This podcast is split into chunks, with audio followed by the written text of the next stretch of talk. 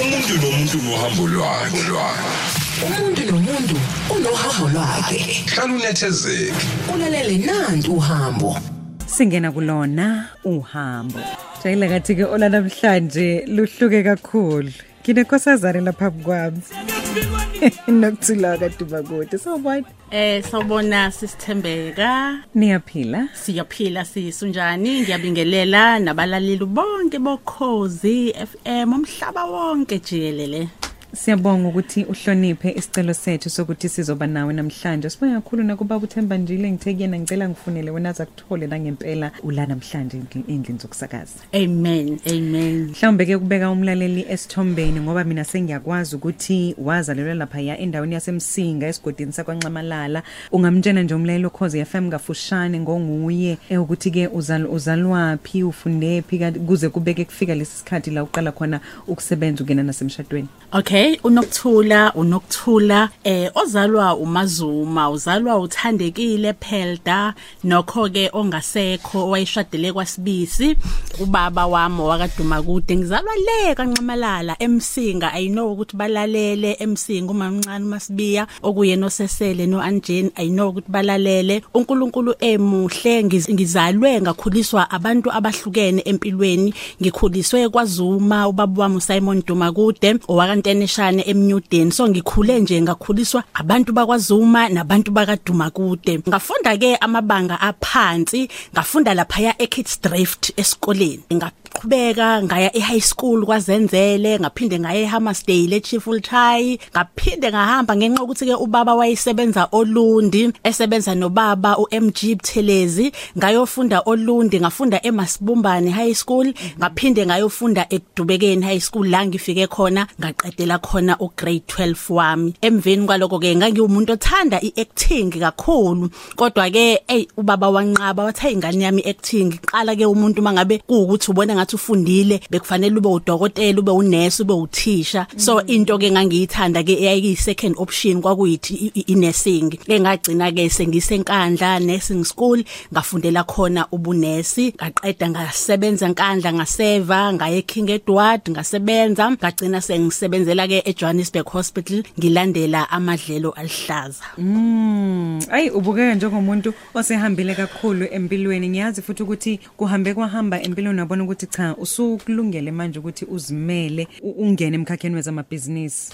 Yebo kunjalo impela. Kuthe ngisebenza eJohannesburg Hospital. Ngase ke ngiyathathwa insizwa yakamagubane ngazoshada ngabona ukuthi hayi ke ukuhlala eGola kulungile ngabuya ngeze KZN ngaqhubeka ke nezitadi zami ngafundela ezamabhizinisi. Ngase ngiqashwe eGarden Clinic njengonesi kodwa ke bekuthi ngisebenza eGarden Clinic ngiphinde futhi ngiqashwe enye inkampani yakwa Always engangiyilecturer khona. Ngifundisa izingane about puberty and menstruation because bengiwumuntu okwazi ukumultitasker bengikwazi ukwenza imisebenzi emithathu noma ewu4 even efika ku7 ngingedwa. So imali uyayithanda kahle kahle. Kahle hle nje ngikhula because even esikoleni bengiwumuntu othengisayo. So nje yes ngikhule kanjalo. Because noma wami uma sibiya ke umamncane wami khona manje esikoleni ekids drift sikhula eprimary wayedayisa ama sandwich izinto ezibrown nezimhlophe you understand? Ukhula nje vele ukhuliswe ebhizinisini vele Yeah, nje yeah. ibhizinisi lisemzweni ngaqhubeka ke ngafundela ibhizinisi ngaze ngabona ukuthi no. Eh ukwenza ibhizinisi ngisebenza ngizo end up as much as inesingithanda ama patient ngiwathanda but ngizo end up angasekho effective emsebenzini. Ngiyabona ukuthi imali yangena ngapha emathendeni nga register company othi ngicina sengiyeka ke ubunesi bese ngiyaqhubeka ke nokusebenza ke Also amathenda ubutenderisha. yes nga coordinator nama events as nje ngisebenze nabantu abaningi omasipala amaningi ngisebenza nabo ngavula even imall yasolundi imall nje ekhona imini engangivula leyo mall sisebenza nekhuthala alliance nemeya esikhona manje uthula sizwe ebuthelezi. So i development nje ngikhule ngiyithanda nase Richards Bay ngisebenza nomasipala abaningi abehlukene. So sengicoordinate ama, ama events nomasipala kanye nama various departments. But ke kwakunjani lokho compared to umsebenzi lokade wenza wakwanesing? Ngoba ngiyazi ukuthi inesing kuyakuthiwe iyafana nomsebenzi wobizo. Kufanele ukuthi oqala ubathanda abantu. Yes. Um so kwab- kwaba kuwena kubanga yini nzima mangabe usushiya ama patients usuyongena ke manje emabhizinisini? It's true umbuzo obalekile kwababhlungu eh cause ngangi-interacta nama nama patient ami ngangwathanda ngalendlela ukuthi make kwakhona umuntu ohambayo emhlabeni yazi ngiyokhala ngathi kushonwe kithi. Ngingafuni ukukhala phambi kwayo patient kodwa kwakuthi mase ngihleli ngedwa cause bengibonda nabo ngithandaza nabo kumnandi mangi off ngibakhumbule kwababhlungu but ke kwasho ukuthi hey ngase ngibona ukuthi ngapha kwa business nakhona ngiyathanda ngizobe ngihlangana nabantu abahlukene i think kwase kufike nje isizini yokuthi okay sengiyagcina isizini yami yokuba unesi kwababhlungu kodwa nje ngathi ithi ngihambe ke Alright. So ekhaya bekunjani? Beku bekumndeni onjani? Khule emndenini okhulekile noma beku strict ngalendlela? hey ngikhule emndenini okholwayo okholwayo si rooted nje ku Christianity ekhaya kuyakhonzwa kuboma wami kwaZuma kuyakhonzwa inkonzo isegcekeni ekhaya Umkhuleko nje. Umkhuleko nje ekseni imintambama ebusuku naka baba same thing nakhona kuyakhonzwa ubaba wakha ngisho indlu yenkonzo kuyakhonzwa ekseni imintambama ebusuku. So nje ngiyabuka ukuthi lo muzi lo okhonza kangaka uyabona nje ku strict even ukudla as a result ekhabe kungangeni ngisho isinkwe simhlophe bekufanele Oh. uthenge u- u- ukungena isinkwe sebrown Ngobani? esimhlophe bekuthiwa sinampilo. Oh, yes okay. asinampilo so fanele nidle isinkwe sebrown ubaba wami ube health conscious ngalendlela uya understand so nje ngakhula nje ngineleyo nto ngine communion noNkulunkulu ngine personal relationship noNkulunkulu. Bekwenzeka nje ama miracles ngisemncane mangiye ku Sunday school uthola ukuthi mhlawumbe ngizonikela ngo 10 cent Eh, in my heart deep ngithi uNkulunkulu ngiye ngizwe mabekhuleka ekhaya bethi mangabe unikela uphinda uthole more. Nami ke ngicela ukuthi mangiphuma la enkonzweni ngithola u20 cent. But surprisingly uNkulunkulu bekwenze bengicela. Ngikhule nje kukanjalo. Nangempela ngikhumbula nje ngelila ngiphuma enkonzweni ngawuthola nangempela u20 cent. So ngajabula kumina like i was like yeah god is real. uNkulunkulu khona. So ngikhule nginaleyo relationship ke noNkulunkulu. So ukhule vele ungumuntu okwaziyo ukuthandaza nomuntu Yes. omthembayo uNkulunkulu. Ufundisiwe futhi yes ngaye. ngifundisiwe futhi ngaye. Benivunyelwe ukuphuma niyohlanganyela nabanye abantwana niyodlala eh bekuba nje lokho kuphuma uphinda ubuye.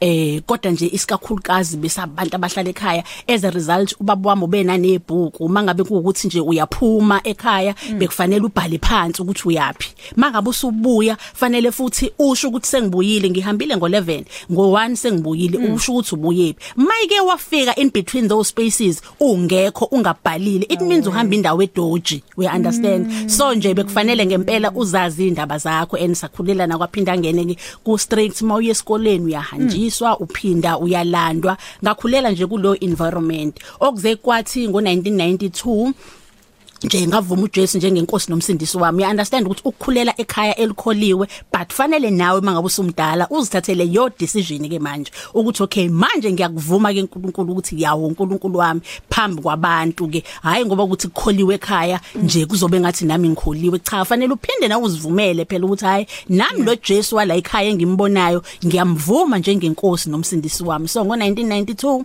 i was doing grade 12 ngamvuma uJesu. Ngayihamba indlela yokukholwa amen Sihleli naye unokuthula Dumakude silayele ke uhambo lwakhe namhlanje. Mhlawumbe ke usanda kuvela umsakazo wakho uyazibuza ukuthi kukhulunywa ngani namhlanje. Cha sinohambo la nentokazi yakwa Dumakude. Esilayele nje uhambo lwayo namhlanje. Eh uyazi ukuthi ezinye izinto ngempela ngempela siyazenza sizikhulume singazi ukuthi sis- mangabe sikhuluma nginenkolelo yokuthi sisuke sitshala so ulimi lwakho umlomo wakho uyafana nokuthi uhlwanyela imbewu emhlabathini and ngelinye ilanga leyo mbewu iyoqhuma ibe yinto le obukade uyitshala so sisinokuthula sihambe la um 1992 yes. Uvuma uJesu njengenkosi nomsindisi. Yeah. okay. Yeah eh ngahamba ohambeni lwami lobukholwa uma wami ke washona. Ubaba wagcina ke esishade nokamahaye owafika nje naye kumama okholwe kakhulu. Naye wafike naye wafaka ivangeli. Hayi umuntu waluhamba uhamba lokukholwa. Hayi kwahamba wahamba hayi umuntu wakhola wakholwa. Hayi ngabona mhm hayi ngeke kunezinto engihalela ukuzenza. Yeah. ko strict la ekhaya angikaze nje nami ngeke ngijabulise nje. Njengezinye ke ngihambe nami iy'ngane. ke ngihamba amaphathi Yeah. uyayibona nje leyo nto leyo? Nje ke ngiphila impilo yami mnandi. Hayi ngahlala phansi noNkulunkulu Yeah. ngiyakhumbula bengi kwaphinda ngene ngaleso sikhathi ngahlala phansi erumini yami ngakhuluma nawe. Yabona mawuhleli um- u- u- u- u- u- u- ngathi niyabonana niyaxoxa and ngangazi ukuthi uhleli because nganginayo relationship naye ngathi hey baba wami uyazi ukuthi ngiyakuthanda and So, kahle kahle ngiyakuthanda. uzombekela la ngizombekela udaba and udaba ngizolibeka a- alina negotiations ngizomtshela kahle Udinga ukuthi okay. Baba wami ngiyakuthanda. Indlela engikuthanda ngayo angazi ngingathini and nawe you know my heart ukuthi ngiyakuthanda ngenhliziyo yami yonke. Kodwa bengisacela ukungilinde kancane. Ngicela ukuthi ke ngizenzele into zami ngikhumbula ngikhumbula ngathi lento yenzeka izolo ngicela ke ngizenzele into zami. Ke ngibe busy nje nami emhlabeni ngizenzele into zami. Kuyothi uma sengina 40 ngathi uyabona ngiyokhonza ngiyokholwa ngathi ngiyahlanya. Ngathi uyabona laba prophets bakudala babekukhonza oDavide ngathi ngifuna baba ukukhonzisa njengabo. Kodwa manje ngicela ukuthi ungiyeke kancane. That was my covenant. And uNkulunkulu has got a sense of humor yazi? I, I so wish sibe ne ne- ne- ne- ne- ne- ne- ne- ne relationship noNkulunkulu. Yazi uNkulunkulu nkosami unothando uyalalela unomusa gracious iyo yonke into.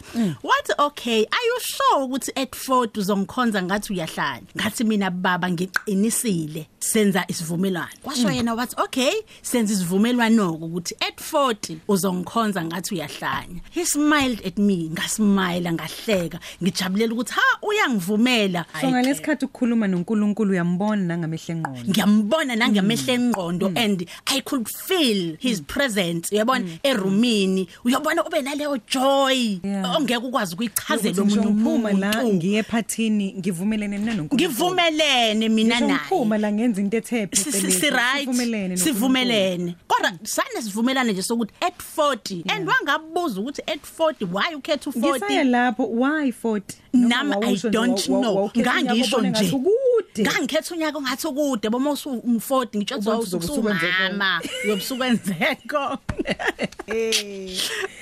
yeah. yes. Ay kwaba yiloko nje ngajabula. Emveni kwaloko So-ke, futhi Manaki, ngakhohlwa. ngalesikhathi ugana ugana within lesi space lesi ungakafiki Ngigam- kuyo photo uthembise yes ngigana within this space. Leso- awukafiki lo sokuyiphilela impilo yami. sokuyiphilela impilo yami you understand? Noma ngishada angibuzi nakuyena uNkulunkulu ukuthi is it the right husband. Yeah. baba uyena u- u- umuntu ongibekele yena lona. Uyabona nje neBhayibheli ngiyalifunda mangikhumbulile ngaleso sikhathi ngikhumbula nje khona elinye ngeke ngalithenga kunalama Bhayibheli amakhulu abizo 1000 rand lalu 1000 rand ngalelo langa. Ngimthenga ngilithenga nakhona ngoba ngidabukela lo muntu olidayisayo. Hayi ngoba ngizolifunda uyayibona? Ukuthi nje okay because i can afford kinda imali. Oshem uhamba udayisa incwadi. Othi ngilithenge lihle li cream white linezithombe ngilibeke lapha. Ngilivula ngalelo langa. Mhla ngikhumbulile. Ayikho nje into ethi hayi uyafunda iBhayibheli nsuku zonke. Ukukhuleka ngikhuleka ngalelo langa makwenzekile noma ngikhulu ngikhuleka ngikhuleka ngilele ngiyecala hayi baba uyangazi ngumntana wakho ngilale. Uyayibona?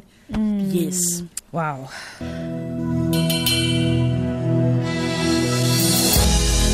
Hello Khosi FM sihleli naye uNokthula Domagode owenza ke covenant noNkulunkulu wamthembisa ukuthi nje inkosi uma ngasungiyeke ngiphilela impilo yami. At 40 ngiyokukhonza ngingaphazanyiswa yilutho. Okay. So ke usuyangena ke emshadweni uyasebenza wona lo mshado ongena kuwona noma na uyantshela Eh hey ukukutshela iqiniso sisithembeka wasebenza ngisandokushada. Hey emveni kwa 2 years hayi man yaqhubuka into ukuthi a a ngeke. Hayi hayi hayi akukhona la ngikhona. Akukhona la ngifanele ukuba khona. Because ama morals and values Yeah. ngiyazi ukuthi fanele mawumuntu ubuya ekhaya nini uya understand as much as ngangimcelile uNkulunkulu ukuthi okay ngicela ukuyiphilela impilo yami Yeah. but ikhona le yanto yokuthi ubhilivele ekutheni Umzali umuntu manishadile ngekayekele phela futhi. akube i-family man ngo6 akabe sekhaya okungenani ke u-latest u8 we understand so okay hayi baba kwangeyona lempilo engiyithandayo mina ukuthi manje kuzophuza utshwala umuntu angafika nama ngo12 noma ngo3 hayi akuyona ilife engangiyikhethile lena. Akuyona ngiyezwa deep down ukuthi hey no ngikhona la kodwa nami a a angikho endaweni engathi ngi right kuyo. Uya understand ukuthi hey ngeke ngiyabotha le covenant yomshado engayenza hayi angiyiboni kahle. Angiluzwa lolu thando lolu engathi luyilento umuntu okufanele abantu abashadile babe nalo. Uyayibona so ke ngi- ngoba ngiyabona ngithoma ngabe ngifunda la kwi-profile yakho ngabona ukuthi uwesifazane ongene kakhulu kwezamabhizinisi um waze wangishona nenkampani yokwakha Yes. wa- wa- wasaplya Yes. usaplya ke omasipala abahlukahlukene Yes. now uyakusupport-a yini ubaba ekhaya ngalesikhathi wenza lento noma mhlawumbe enye izingxabano zenu ile eyakho yokuthi ubhizi manje ibe lapho inkinga uyabona to tell you the honest truth mina ngive ngithembekile when it comes to ezothando Yeah. Uyabona nje ngikhule ngazi ukuthi mawuthandana nomuntu uthandana nomuntu oyedwa. Uya understand? Awukwazi ukubheka engxenye ngesinye isikhathi. Yeah. iqale la sengisebenza so hard engangithembi. Uyayibona? Kuthi noma ngibuya and njoba ngisho ngithi mina bengisebenza indawo ezihlukene bengiba unurse ngisebenze ka- ke- en- enkampanini ngala yamapads eh ngisebenza amathenda ngala. Imali yangena ekhaya imoto ziyathengwa imizi iyathengwa amasite amalenda yathengwa iyabonakala into engiyisebenzelayo ifurniture njoba kade ngisho ukuthi bekuwumuntu oyithandayo. Yeah. ifurniture befanele strictly kube yase Italy bengikhonzela bengikholelwa ekutheni izinto ufanele uyithenge ngocash ungabi nezikweleti lapha nalapha nalapha ya. Indlu iyabukeka i- i- i- i- i- glittering i- i- yonke into iyacwebezela kuyabonakala ukuthi kuyasetshenzwa. Yes nayo uyasebenza so hard and nawo senayo icompany ayivulile siyalekelelana. But nje isikhwele sabasikhulu kakhulu angazi kwanga wa- wangangithemba lokwangempela yokuthi noma ngifika ngibuya kosebenza ngifica uhleli ngaphandle emot- ngaphandle emotweni uyambona umuntu oshintshile ukuthi hayi ngeke ulwandle lugcwele lana. A- angamukelekile lana. Ngiyafisa ukuthi kade ngisebenza so hard umuntu athi awumkami wazosebenza kanzima. Hawu nginonkosikazi osebenzayo. But Oyikhandlayo. oyikhandlayo because ngisebenzelela la ekhaya. Akukho ukuthi ngenzani. Yes as much as bengiba nabo abangani nabo ngibapha because i'm a giver by nature uya understand. Kodwa akukho okungenzeki la ekhaya. Even izingane fanele sithole best education ziyafunda kahle. Kodwa nje hey kwabasawa kwabasalki ngalendlela ukuthi ubone ukuthi uthando alukho la luphelile. Uyibona makungasena spark? Yeah nje. Usuhleli nje. ngoba usuhleli sa- senze isivumelwano phambi kwamfundisi. Uyayibona? Usudlalele lokho ukuthi senze isivumelwano phambi kamfundisi kodwa nje ubudlelwane abukho. Uyayibona? Ukuthi as much as futhi kunjalo ngilanje emshadweni namafemela yangenelela ngiye ngisho ngithi mina indlela uNkulunkulu angidlulise ngayo ungenza ngempela ngikwazi ukuthi omunye umuntu mayethi go through leso simo ngikwazi ukuthi ngingenelele mhlawumbe ngikwazi ukududuza because ngidlule intweni eziningi ezingekho right. Nefamily ngapha kwiside le husband ayikho supportive uyabona? Mangabe kuthi khona into mhlambe enibangile hawu nkosami kunokuthi mhlambe bahlalise phansi so uthu babuza ukuthi kwenzakalani. Ha ah bazofika nje hayi wena wrong la siyamazi umfana wethu ulungile uyazibona nje lezo zinto. So ngakhula nje kul- kuleso simo esinjalo. Ngifuna ke sigijime siye ngalesikhathi uyithola usuzo ngena entweni U- u- ungena kanjani kwi- ku- emacaleni efraud? Ngizothi ngingena kanje sisithembeka nabalaleli bonke bokhozi. Sishaye nje Ya. siyisummarize ngiyayisummarize ngiyayishwakamkela impela. Ngingena ngizoqala ngithi ukuthanda izinto. Because ukuba ngizithandanga izinto yonke into ngangizoyiscrutinize ngiyibhekisise uya understand ufika nje a lady uza kimi. How sisinokuthula ngiyakwazi ukuthi ukhuthele. Kunabanye obhuti abacela ukusebenzisa icompany yakho. Ngif- ngingena nje kanjalo how ne ngiya- ngimbuza bafuna ukuyisebenzisa ndlulani hayi sisi ungawarisheki. Ngenxa ukuthi basebenzela i-department bazosebenzisa icompany yakho kodwa ba- uzokwenziwa yibona umsebenzi. Yeah. because lento ukuthi mawusebenzela i-department awukwazi Awukwazi ukwenza ukushada ithenda ne-department, uya yeah. understand? Fanele udisclose icompany yakho utshengise ukuthi okay manje ngiyaza ukuthi ok- kuwumdanti hayi okay ngiyakunika ke kodwa fanele ibe registered kuma departments ahlukene. Hayi register kuma department register nosasa ngawu register nosasa. Hayi sisubolindela imali. Bazowenza bona wonke umsebenzi hayi ngihlala hayi kuthemveni kwesikhashana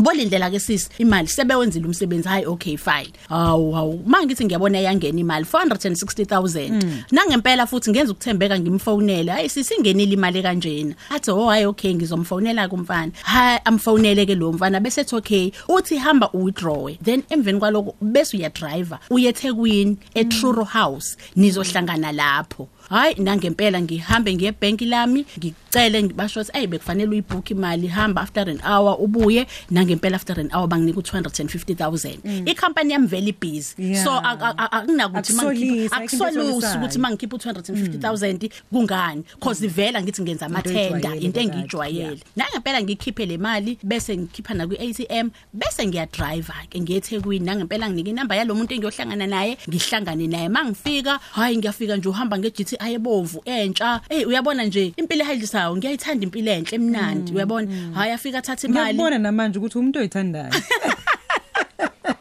yeah Oh yeah, akuthathe imali angayibali ngisho kuyibala. Uyabona nje bese yanginika angisazwa nginika malini but imali yakho yengekho la iko 50000 I'm sure 30000 anginike. Bese nje futhi eqede hayi papa isisi ku right ay engiyobona nje ukuthi uyikhipha nini sobuye sibonane just like that. Yazi ngiyabona ukuthi hayi man hey ikhona impilo la kwaze kwamnandi.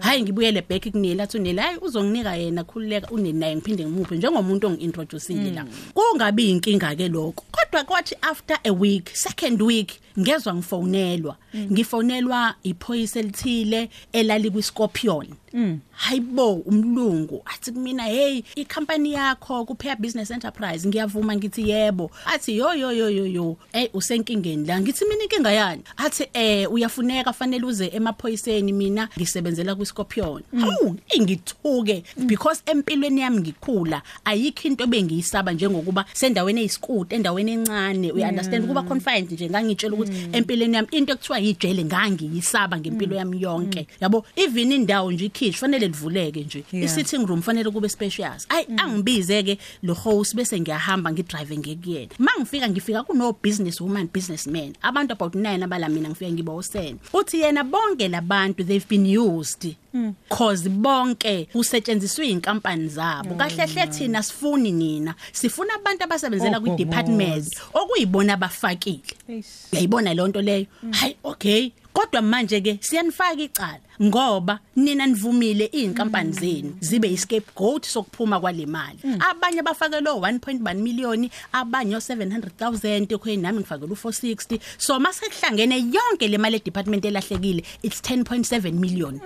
So nje makuphume indabeni kuphume emaphepheni kuphuma ku TV umuntu abantu abathathe u10.7 million. Abenza ubugebengu obuhleliwe. Obuhleliwe. Mawuhlangana nabantu wena bakubona njengomuntu odle imali kahulumeni 10.7 million. 10.7 million. Abasabali nokuthi nibangaki. Abasabali ukuthi nibangaki. Abasakubuza nokuthi wena wathola wathola lutho abasabuzi wena nje usubalela kulesamba lesi Yo. uyabona? Ngibuyele back ke kulosisi ngimfonela sisi nakusekwenzeka nje wena wathi lento iclean. Hayi sisi ngithi mina no ngiyademand ukubona labantu abenze lento angikwazi phela mina ukuthi ena ngizokhokha le mali because kwa end up athiwa asikhokhe le mali. Yeah. ngithi mina le mali ngithi uyakhumbula ukuthi ngayihambisa kulomuntu owengithumela kuyenza ngiyihambisa and ngaphinde ngayikhipha nenye ngayihambisa so please ngidemand ukubabona. Yeah. athi hayi bakhona la ulunda abanye bakuba seMaritzburg ngithi "Mm, ngifuna ukubabona bonke. Hayi nangempela sisethe meeting ngibabone bathi angidrive ngize egingindlovu sihlangane khona. Nabo they'll drive abahlala eThekwini ihlangane egingindlovu baqhamuka baqhamuka ngo BM omkhulu omuhle. Hey ngiyabuka nje ukuthi Uphinde hey, ubone sa- kuyaphila Ngiphinde- la.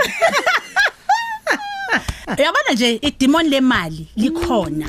Angifuni ukukutshela manga. Idemoni nje lemali. If lithi iBhayibheli ukuthanda imali is the root of evil. Imali uh, there is nothing wrong with imali. Kodwa kodwa mase kubalekile uyikhonza. uMatthew 6 verse 33 uthi seek first the kingdom of God and his righteousness. Everything else shall be added unto you. So into ebalekile ukuqala ngoNkulunkulu. Bese izibusiso ziyakulandela. But once wena i- i i- i- i focus yakho yaba semalini obvious awukwazi ukuseva ama must out enye uzoyithanda enye uzoyideserta uy understand Yeah. kwathi mangihlangana nabo hayi sisongawarisheki ungasikhiphi. Sizohamba nawe siye PE siyokwenza imali because thina imali mayifika sayisebenzisa sithenga imoto nani nani nani sizohamba nawe siye PE we understand? Ukube fully ngangi kuNkulunkulu ngilandela imithetho yakhe ngangingeke ngihambe naye. But ngenxa ukuthi angithi nami ngangisamanqika nqika ngisathe uNkulunkulu ngilinde awu ungavumela phezulu. Mina ngibona ibigger picture yokuthi sofike siyokwenza enye imali ePE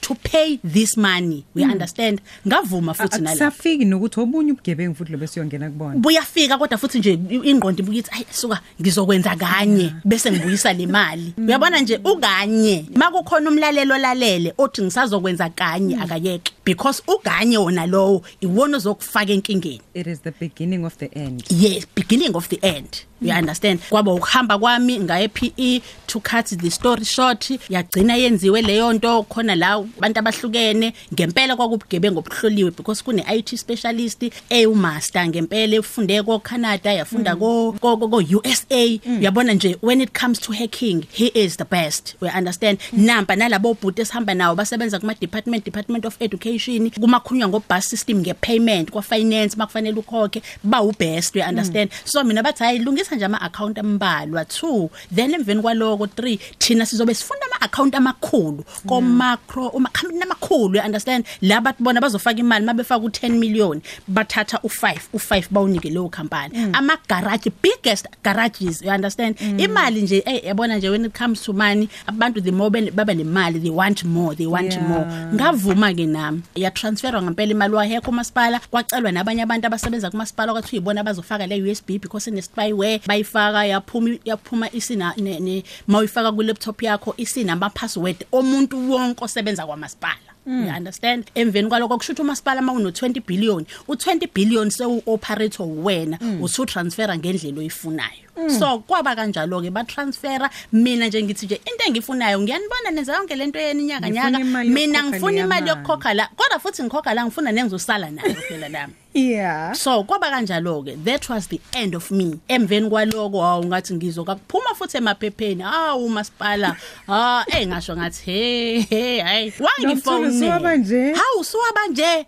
Uyayibona lonto iba khona nje yazima ukholiwe ngempela uba khona lo nembeza ukuthi but this is not me. Yeah. ngifike kanjani lana? Wangifonela futhi umfana hawu ngezwe kuthiwa uboshiwe umfana ubeseyophinda esehamba yedwa. Hawu wangifone hayi ungaze uhleke sisithembeka. Wangifonela hawu nokuthula nawe uzoboshwa. Uh ngasaba ngangihlala sengipakishile. Mangeke ngabona imoto emhlophe ngiyogijima. Ngithi nje Jesus ukusho sebefuna mina uNkulunkulu wami sengiyejele ngizoba yini? Ngiyalisaba ijele ngalana ngalana kushuthi nomkhwenyana uyabona usesizakela ukuthi ya nansi into ke manje ke kusho ukuthi kade so wayiqala uyabona naye lento. nje bakwenzeka yonke lento kuphume emaphepheni. Lonke uhlobo lephepho laziyo lase KZN lwase South Africa kuyaphunywa iloku yalandelelwa indaba kuma radio kuyaphuma. Hey ngiyabona ukuthi la kwaze kwanzima wangifonela wangitshela ukuthi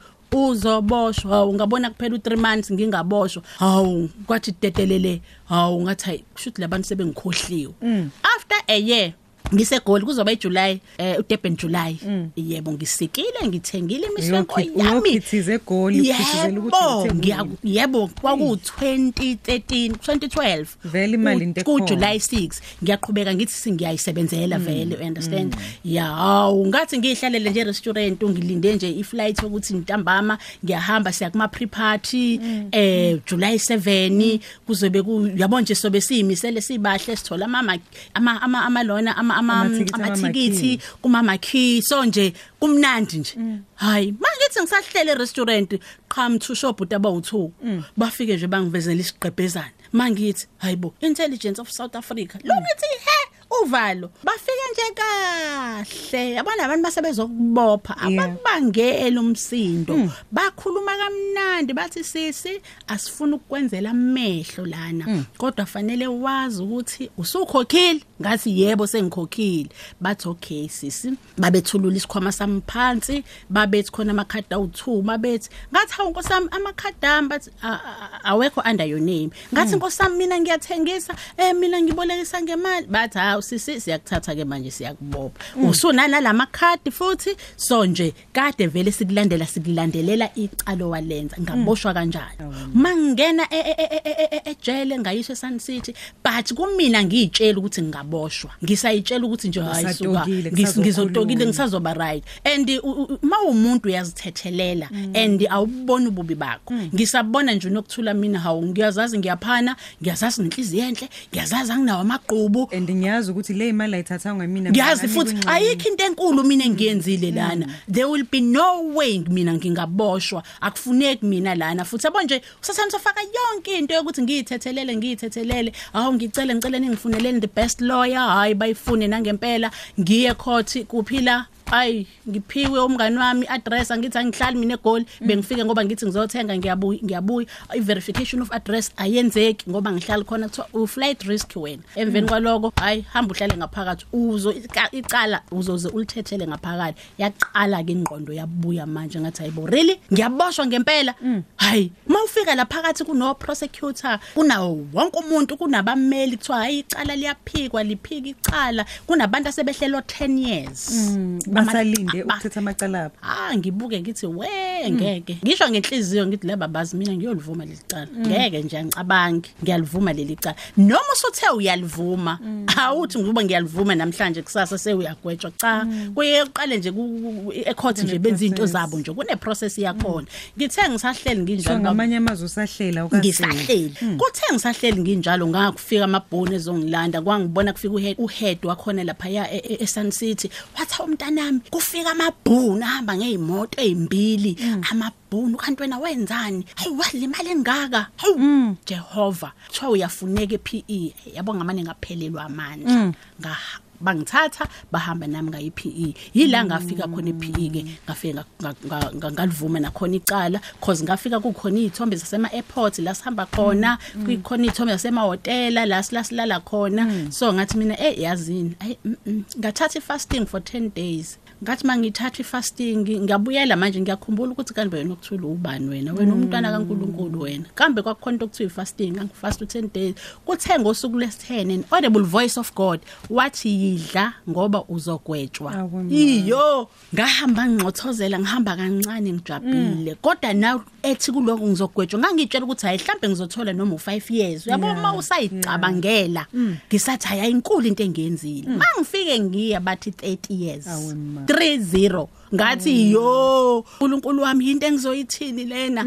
Into engizoyithini? Ngayitshela bayadlala lutho abadlali. Ubani Ngis- nonyaka u2013 2013 ngigwetshwe ngo2013 ngitshela ukuthi hayi bayadlala. Hayi mhlawumbe asazongibiza bathi bedlala. Kwathiwa sibuyisa naleya nto wawuyenzile kuqala kusho ukuthi vele umthetho wakho. Angithi yakhumbula lo ya 460 owawungenile laba bekulengisele khona yebo iminyaka. kwathi hayi ke sekuhlangene sisiyakubopha sisegweba 30 years. Emveni kwaloko ngathathwa ngemoto ngabuyiselwa egoli. Egoli khona ngiyokwenzani ngiyothetha icala engamakhadi awu2 babe wathola esikhwameni sami. Sengiwumacala cala ke manje. Hey, amaphoyisa lapha ya driver ngifakwe ngemuva evenini.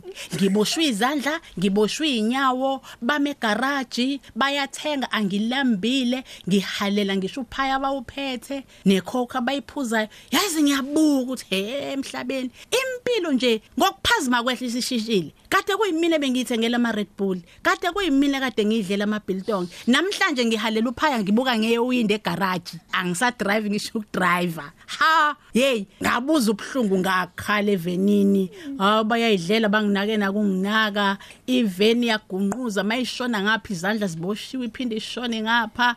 Yo ngaze ngafika egoli. Mangifika egoli following week baphinde futhi kuthiwa uyahamba uya kuyothetha icala lamakhadi atholakele. Hayi ngitshela ukuthi awu suka. Njoba sengithola u30 nje mina ke i'm optimistic. Into iba ingxaki okwaleso sikhathi bese ngibuye ngiyiduduze. Uyabona nje ngiba nokuyiduduza. Hayi ngangena ngaphakathi e-commercial court. Mangifika e-commercial court awu e-commercial court ngitshela ukuthi hayi bayabona ukuthi sengigwetshwe intahantaha engaka sebezongixolela. Wangithi nka ngo10 years. Nka ngo10 years kwabu 40 awe ma. Yazi ngaphuma in in my life angikaze ngize ngibheme but i'm telling you the honest truth. Ngaphuma ingqondo iphambene ngafica umuntu owayibhema. Hallelujah. ngathi ngicela ungibhemile. Yazi ngabamba kanye ngakhwehlela ngaze ngaphuma izinyembezi. Wathi lo bhuti sisi kwenze njani uyenzela into ongayazi. Hey ngathi hey ukuba uyazi hey into engibhekene nayo la eza amaphoyisa nkosami yazi amaphoyisa abantu ayakubopha aphinda akudabukele ngapha. Angiboshwe yiwo aphinda yangidabukela hawu sisi usogwetshwa kangaka? Kodwa nkosami hawu kade kwayisono. Hey ngithathwe ngiye Sun City akukaze kwabonakala umuntu ogwetshwe kangaka. 40 years. Hayi ngeke. Saze kuyimeda egwebana kangaka. Wena hayi unamanga. Bayashesha kumbona nejele umuntu onamanga. Awunamanga iboshwa sinamanga kusho ukuthi le milelona yenu inamameda. Hey kazi bamedarisha abantu abangaki. Uyayi understand nje into enjalo. Yila ingqondo yabuya khona. Ngiye ngithi mina yazi ezinye izinto masisehlela sibombonga uNkulunkulu cause uyabaza abantwana bakhe. Inhliziyo yami shuthi wayeyazi ukuthi when it comes to mali iqinile ngalendlela yokuthi if ungathola u5 years mhlambe ngizophuma ngiphinde ngiyobabheka labantu we understand? What angimanage ngivume kulo 40 yila ngaba khona ne turnaround manaki so ku- kuya kuyaringa yini kuwena ukuthi wena wenza icovenant noNkulunkulu wathi masuna 40 nakho futhi sikubona usuzogoja u40 years? Nakho ke yaqala la ke into ngaphinde ngathatha ufasting. Nga 10 days. Kwathi ngathi nje dry Emveni angidli kokuthi angiphumi usugwetshiwe. emveni ukuthi sengigwetshiwe i think ila kwakune repentance yangempela. Yeah. kune repentance yokudlala. La khona uyuxolisa enkulunkulu kodwa uphinde ubuyele kuleyo nto leyo. Kodwa kune repentance yangempela. La khona kuba neconviction la uhlala khona noNkulunkulu uthi you know what lord inhliziyo yami mina lo. Yila khona engase ngizibona ubuze bami. Ngithi you know what lord mina angilungile angenzi kahle ngikhohlakele. Khona kanye ngangithini kuwena? Mangithi ngizokukhonza sengina 40 uyabona? Sengizibona ukuthi kahle hle vele ngangithini uNkulunkulu shothi ingqondo isiyabuya. Because mawusathunjwe isitha uwrong ubona uright uright ubona uwrong. We understand? Ingqondo yabuya ngazibona ngathi ey ngaze ngenza into errong ngaxolisa uNkulunkulu ngangikhali zinyembezi. Kwabuya ngathi izolo icovenant yabuya yasemehlweni nami yabuya yonke conversation esayenza. Ngakhala ngakhala. Usunokuyisola manje. Nginokuzisola ke manje. Akusekho lokuya ukuthi hawu mina ngiyaphana mina ngenhliziyo enhle mina nginjani njani sengizibona manje ubuze bami. We understand? Ngakhala uNkulunkulu ngazibona ukuthi hey kodwa ngaze ngangenza kahle. Kodwa uNkulunkulu wami. Hey kodwa makunje uNkulunkulu sengina ngaki manje ngaf- ngaphupha ke ngumuntu ophuphayo ke lot uNkulunkulu nje ngiyacommunicate naye even through ama dreams. Sengiyaphupha ke ngosuku le7 ngiphupha ngisendaweni la kuyakhonzwa khona. Makukhonzwa kuf- abashum abafundisi bayahlu- bayashumayela bayahlukana bayahlukana bayangena bayaphuma. Bese kufika omunye umntwana eza kumina. Kuthulekile kugcwele abantu balalela eze kumina lo mntwana afika ngidonse ngengalo wanginika iBhayibheli. Ngiye pulpit mangifika epulpit ngibe ngisathe ngiyalifunda iBhayibheli. Amane nje imiqe ingasabonakala ingasabonakala inhliziyo yami ibebhlungu phakathi. Ngikhale ngithi mina ngikwazi ngisho ngenhliziyo. Aphinde lo mntwana ngisuse epulpit. Angiyise ngaphandle. Athi you know why it's because you don't read the bible. Bheka manje. uNkulunkulu ufuna uyoshumayela izwi lakhe. Kodwa bheka wena ukwazi, ukwazi. ukwazi ukufunda amazwi. uzo uzo ushumayela uthini ungakwazi? Hey ngakhala ngakhala ngaphaphama. Ngaphaphama u12 o'clock ngathandaza ngathandaza ngathandaza. Ngiphaphama ngijuluke ngimanzi te. Like into ebiyenzeka le okwangempela. Ngiphinde ngilale ngiphinde ngiphuphe again. Ngiphuphe the audible voice of God engitshela ukuthi you know kuphi la ngithi mina i don't know. Athi wena unangaki manje. Angikhumbuze ngiyamphendula futhi ephushweni. Uyabo ngithi mina ngina 40 athi uyakhumbula ukuthi wathini mawusuna 40 ngithi mina yes athi wathini? Ngithi ngathi ngizokukhonza ngathi ngiyahlanya. Ngathi ngizokukhonza njengalaba prophets abadala ababekukhonza oDavide. Asmile athi namanje usasho njalo. Ngithi mina yebo ngisasho njalo. Athi okay awuboshiweke. Njengoba ula icovenant esasinayo ngifuna ukubuza ukuthi isenjalo yini. If ungaba obedient kimi uhambe zonke wonke lamajele engizobe ngikuhambisa kuwo. Because amajele usathane uzitshela ukuthi stronghold sakhe. Ngenxa yokuthi uthathe abantu sithathe ngizozibala usithathe singenzi kahle wasifaka ejele. So that kuzoqhubeka ububi esibenzayo. Then ijele bese liba unruly lingaphatheki siqhubeke sishayane sishisane yonke into nje yenzeke because usihlanganisela ngoba vela senzi kahle. Wathi uNkulunkulu ngibeka ama giants ami ejele anama blessings awo anama spiritual blessings aba prophet bami abashumayeli bami abavangeli bami balapha ya so wena ke uma ungavuma usathi siyayiqhubha icovenant uzongithathela indawo for me siyamphuca usathane ocabanga ukuthi eyakhe kanti abantwana bami lawo. In fact iSouth Africa yonke usathane uzitshela ukuthi uyawina eyakhe. Ngama covenant enziwa iSouth Africa yanikelwa kusathane. We are going to take iSouth Africa back for me. Kodwa uzoqala ngokuthi ukwenze lokho ejele kuqala. Uyakhumbula ngangiba necovenant no Abraham no Noah ngathi mina yes. What ileyo ke? Phela into ofanele uyenze uzoba obedient to me. Mawungaba obedient to me after 7 years ngizokukhipha ejele. Uyazi ukuthi kunezinto kuyaye ukuthi uma ngabe uzilalele kube ngathi uzifunda encwadini. Uthi uma ngabe uzilalele kube sengathi thi ulele uyaphupha kepha ke uhambo lomuntu lolu hambo lomuntu osenyameni osichazela kabanzi ngohambo lwakhe nokuthi azafike nje kulona lolu hambo ufika kanjani? Ungasithumelela ke ivoice note yakho ku 071 613 667 Jesu fika kuseni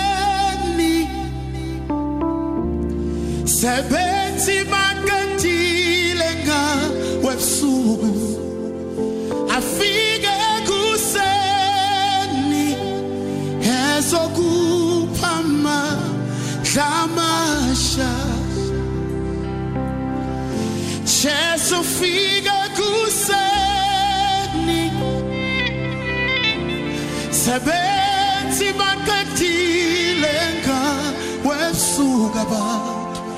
afike kuseni ezokuphama dlamasha you know the song ufike kuseni. Sebenzi makatile ngawe ebusuku eh, afike kuseni. Ezokuphama dlamasha Jesu ufike ekseni sebethe baqedile ngawe ebusuku kepha ke nayishi afike ashintshe istory. Ngaphambi kokuthi sinama voice note abalaleli kepha ke ake ngiqale njengale sisinokuthula. Sawubona Thembeka lesihambeli sakho. Yebo, ngibingelelo yebo. lindo ngubani umlambithi wamaqanda? Ngiyabonga ukuzwa inkulumo kamama uhambo lwakhe. Kodwa nje kunephathi engithandile iqiniso ukuthi wabophezela ukuthi after esenu 40 years uzokhonza uNkulunkulu ngokweqiniso. Iqiniso lihle. Mangabe usa uphila la emhlabeni ziningi izimo op- ongena kizo. Mawungakabi ready ukuthi ubhekane nokuthi manje usubhekana nezikaNkulunkulu kuhle nje uvela ukhuluma iqiniso njengesihambeli sakho lesi silapho Khosini FM siyabonga. Cabanga ukuthi ayidingi ngisho ukutolekwa le. Sisinokuthula he uyazi futhi uNkulunkulu enyento so usethi ke manje awuzukuhlala lo se- lo lo 40 years. Ngizohlala u7 usuzohlala u7 years Yes. now uhamba no no sisinomali la? Yes. Sisinomali enihlangane naye ukuthole naye ku Facebook Yes. emveni kokuthi ebone indaba yakho. Yep. now usisinomali tells me ukuthi ngalesikhathi ke usuphumile ejele so waphuma ngempela after 7 years? Eh ngizoxoxa nje kafishane ukuthi emveni kwaloko kwabe sekudingeka ukuthi ngiqale phansi ngiyoba i state witness ngikhuluma iqiniso lonke ukuthi kwenzakalani.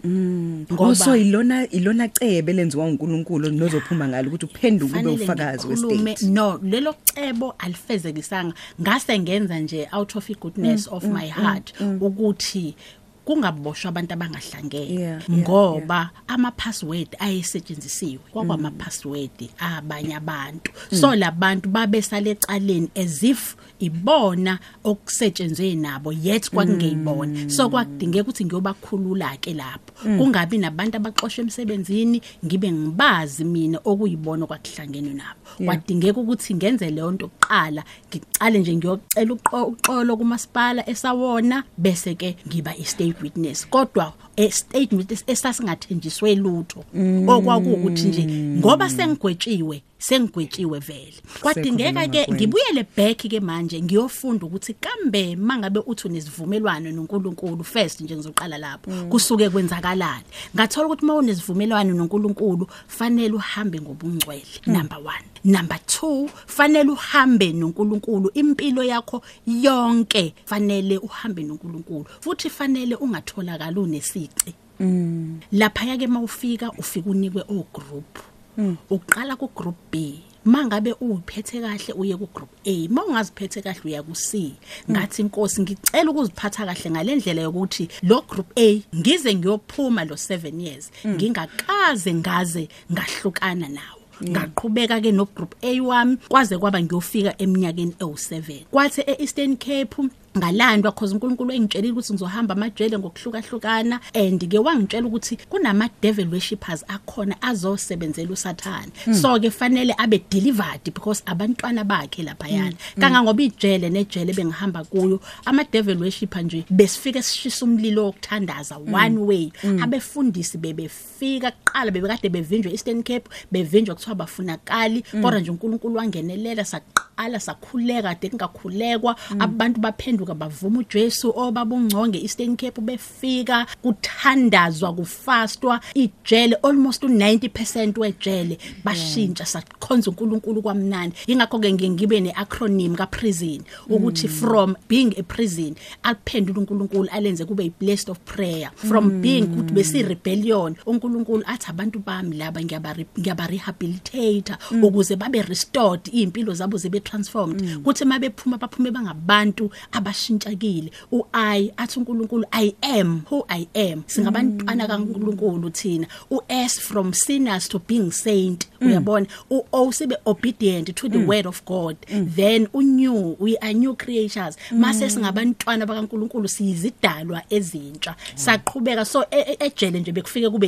yivangeli indawo nendawo bengifika kuyo bekufike kube yivangeli kwakuyilezo isivumelwano enganginaso noNkulunkulu. Ukuthi ngoba wayenaso isivumelwano uthi lapha Exodus 19 verse 5 uma nililele- nililalela izwi lami nigcina isivumelwano sami niyokuba ngabantu bami futhi niyoba yigugu kimi. So ukuba yigugu kuNkulunkulu it takes ukuthi ulalele qala bese uyenza. Awukwazi ukulalela bese ungenzi so ke wangitshela wathi mawusuphuma amakhosi am ama leaders ami ngiwabekile ngiyawathanda but fanele balalele mina Uphu- mina uphuma nini? kuphela. Uphuma nini? exactly after 7 years indlela uNkulunkulu athembeke ngayo. Exactly after 7 years langikhipha izulu. Yingakho I testify about this God.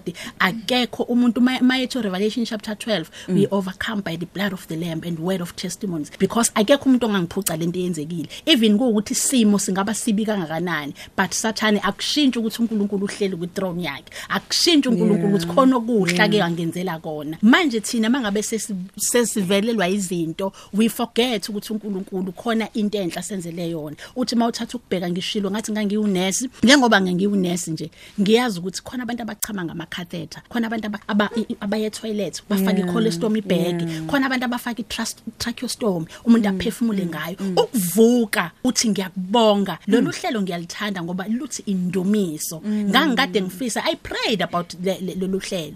Ngapray uNkulunkulu yazi baba ngiyafisa ukuya kulolu yahlelo but ngesikhathi sakho i know ukuthi sekuyisikhathi ke sikaNkulunkulu. Because njengoba sengithumelile manje uqale wangibeka ehluhluwe wangitshela wathi isikhathi sesehluhluwe sesiphelile and now you are going to Durban. Because kuzoba nemvuselelo enkulu ukuthi mawumntwana kaNkulunkulu uyakuphathisa. Mawuhamba noNkulunkulu fanele kubonakale ngama miracles njengoba usasho nje ukuthi ngihamba nosisi noma yes uNkulunkulu mawuhamba naye fanele kubonakala ama miracles kaNkulunkulu. Kubonakala ukuthi umoya kaNkulunkulu uphezulu kwakho. Sibona manje nje sekugcwele lonke uhlobo labantu abangabeliveli kuNkulunkulu bonke abantu abamlahla uNkulunkulu. It's because bacabanga ukuthi umoya kaNkulunkulu awusekho. Umoya kaNkulunkulu sakhona. Icebo likaNkulunkulu Isaiah 42 elo sindiso athi Isaiah 7 zalelwe indodana ewuJesu Kristu. Ilona cebo kathi uMatthew 28 asihambe ke senze izinzwe zonke abafundi. Zinzinjwa ziyabhabhadiswa egameni Yeah, likaJesu. yeah, emveni kwalokho bese ziyaphenduka. Athi lapho second chronicles chapter 7 verse 14 athi isizwe sami engisithandayo uma nje singavuma siyeke konke esikwenzayo if my people who are called by my name bangayeka konke abakwenzayo okurong bapray basike my face but humble themselves you understand mm. so we humble them. we humble ourselves you understand we pray we seek God's face emveni kwaloko uthi uNkulunkulu aluhear ngiyobezwa. Bese ngiyalapha izwe labo. I'll forgive their sins. Siyabona ukuthi uNkulunkulu nje icebo losindiso from Genesis Exodus Leviticus Numbers Deuteronomy uziyofika ku Revelation kwakuucebo losindiso. Sasifika sihlubuke uNkulunkulu aqede enze njani? Athomele umprofeti mina bese sengibona siya- sengibona siyabuyela nangalento yezinamba empilweni Yes, yakho. yes. 47 usisi noma lo hamba na- angithi ministry beke phezu kwakho njengamanje ye yes deliverance. i-deliverance Mhm. yes. Sisi nomali um niyaphila sisi? Ngiyaphila sisithembeka. Ngiyabingelela nabalaleli bokhozi FM unomali wakazungu. Ngenxa nje ukuthi isikhathi sethu sesisincane kakhulu but ngiyafisa ukuthi uyiveze leyo ukuthi now uNkulunkulu usekhulumile nosisinokuthula ephakathi ejele em ukuthi uma ngabo ngifuna ukuthi uqale ushintshe wenze ibandla lami la kodwa futhi uma ngabe usuphuma ngaphandle ngifuna ukuthi ulishumayele uzilama abantu baphenduke. Sitshele nihlangana ku Facebook umfuna nje umfunelani. Usisinokuthula bengingamfuni. I will say uNkulunkulu uyena osihlanganisile nosisinokuthula yeah. Kukhona okwenzekile in my life okungenze ngalilalela izwi likaNkuluNkulu. uNkulunkulu kukhona la akuthinta khona. Leyo voice encane oyizwayo kuwena you know ungayizibi. That is how enga- eng- engimthole nga- nga- ngakhona usisinokuthula Okay. so i was i was i was ngangiku Facebook nje. Ngi ngibukela uFacebook nje kuvala izikole ingane zile esikoleni sisekhaya. Mangibuka uFacebook kungena ivideo lo bhuti u udokotela an international doctor. Ukhuluma ngokuthi eSouth Africa kuzoba ne revival aw okay. If kukhona umuntu wase South Africa la kwi page lami ngicela asend this video to abantu base South Africa ngiyibuka nje le video. And then ithi miphela bese ngingena eya kwa agenda network enosisinokuthula ngabuka ama video kasisinokuthula zami inwele mhlambe istory sangelinye ilanga esokuthi why ngimlalelile uNkulunkulu mithi angimfune lo sisi yazi ngenza into engakaze ngiyenze ngabhalela uagenda network. Ngibone a contact number kuagenda network ngayibhalela. Hawu yazi bavele baphendula. Bathi mebephendula ngi- mina ngisabuza ukuthi ubani lo sisi ku Facebook ngisazomsendela a friend request. Bavele ku agenda network bangisendela i contact yakhe ebese ngithola icontact yakhe ngimsendele lo sisi sisinokuthula. Ngichaze ngomamzungu wasemlazi. Ngiyafisa sisiwami uku- ukukhuluma nje nawe. Ungangichecka la ku Facebook ukuthi ngumuntu onjani. And then kuthi mangim mase ngikhulumile naye aphendule nayo sisinokuthula ukuthi aphendule ukuthi no ngizokuchecka ku Facebook abese yangilahlekela ekungilahlekeleni kwakhe uzo responda to my comment. Eku agenda network lapha yana kunama comments are over 120000 but wa, wa responda kweyami. Athi me responda kweyami ila ngamthola khona ukuthi ubani ku Facebook and then hawilo siswa video? And then ngiye ku Facebook page yakhe ngipage ngipage ngipage.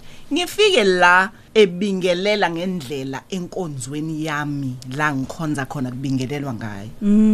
Hayi ngimsendele imessage lo sisi ngithi wesisi ave ngifisa ukukumema la ngikhonza khona ukhonzaphi yila ngichazela khona ukuthi kanti sikhonza endaweni eyodwa. okusho ukuthi uNkulunkulu uyakwa uNkulunkulu uyakwazi ukuthi Yo, asihlanganise ngendlela thizeni. angikholwanga ukuthi mengisendela izithombe zakhe ungisendela izithombe zami nami engigqoke njengaye but in different places. Wow. so we clicked ke and then sahlangana ke kanjalo wafika la eThekwini because ngamcela ukuthi eze eThekwini for for a special cause that was close to my heart lo sisi uNkulunkulu umsebenzise ngendlela Wakwazi emanga. futhi ukuthi akusize kulokho. Eyisimanga. eyisimanga in such a way that ngalo sisi usisinokuthula ngifunde ukuthi benginganakile ukuthi even though I ngiyamazi uNkulunkulu bengingazi ukuthi igama lika Jesu liphethe weight engaka through this lady namhlanje ngiyazi ukuthi egameni lika Jesu Kristu waseNazaretha anything is possible.